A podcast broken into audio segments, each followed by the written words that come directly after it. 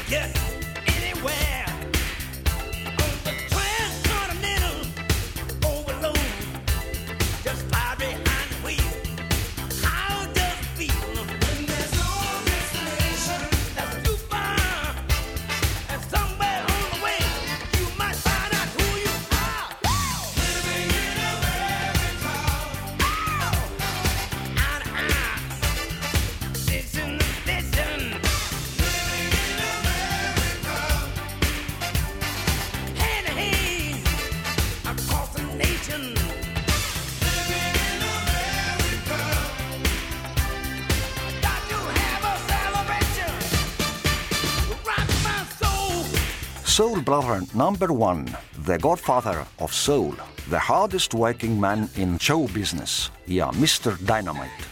Need on hüüdnimed, mis antud elu jooksul superstaarile ja ergastavale lavastaarile James Brownile. paljud teised artistid, kes võisid olla Brownist isegi populaarsemad, tulid ja läksid, kuid tema jäi, kuni surm kahe tuhande kuuenda aasta jõuluhommikul selle lõpetas Brown oli kahtlemata üks nendest Ameerika mustanahalistest figuuridest, kes muutis algul rütmibluusi souliks ja seitsmekümnendatel souli funkiks. James Browni aktiivne muusikukarjäär algas viiekümnendate keskel, kui turgudele ilmus tema karismaatiline ja energiat täis ballaad Please, please, please.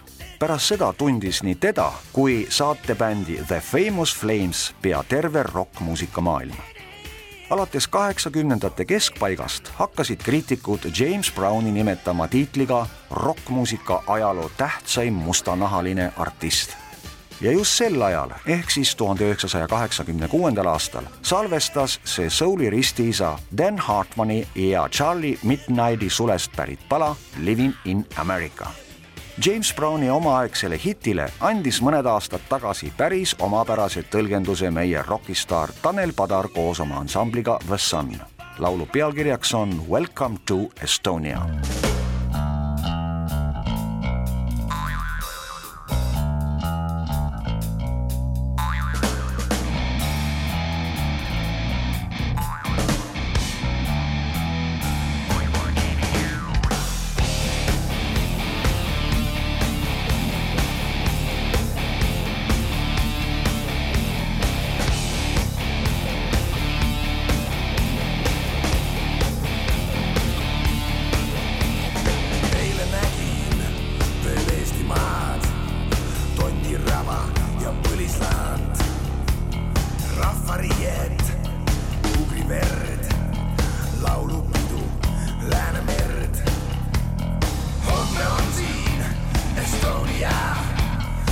tont on tehtud või ukse ava.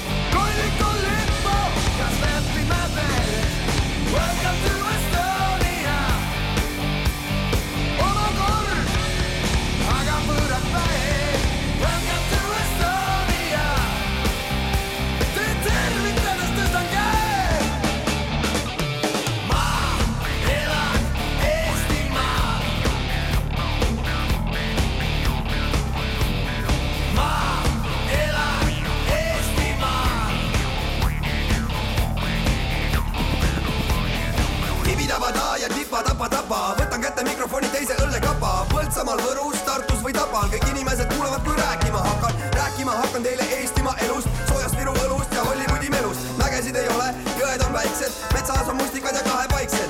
torupildis saatel aknast välja vaatan, kusagile kadunud on kommunismi saatan, roosasid prille ma iga päev kannan, kirjustele viiesaja krooniseid annan. jõud, tulge meile külla, jõud, tulge meile külla, jõud, tulge meile külla, tulge meile külla.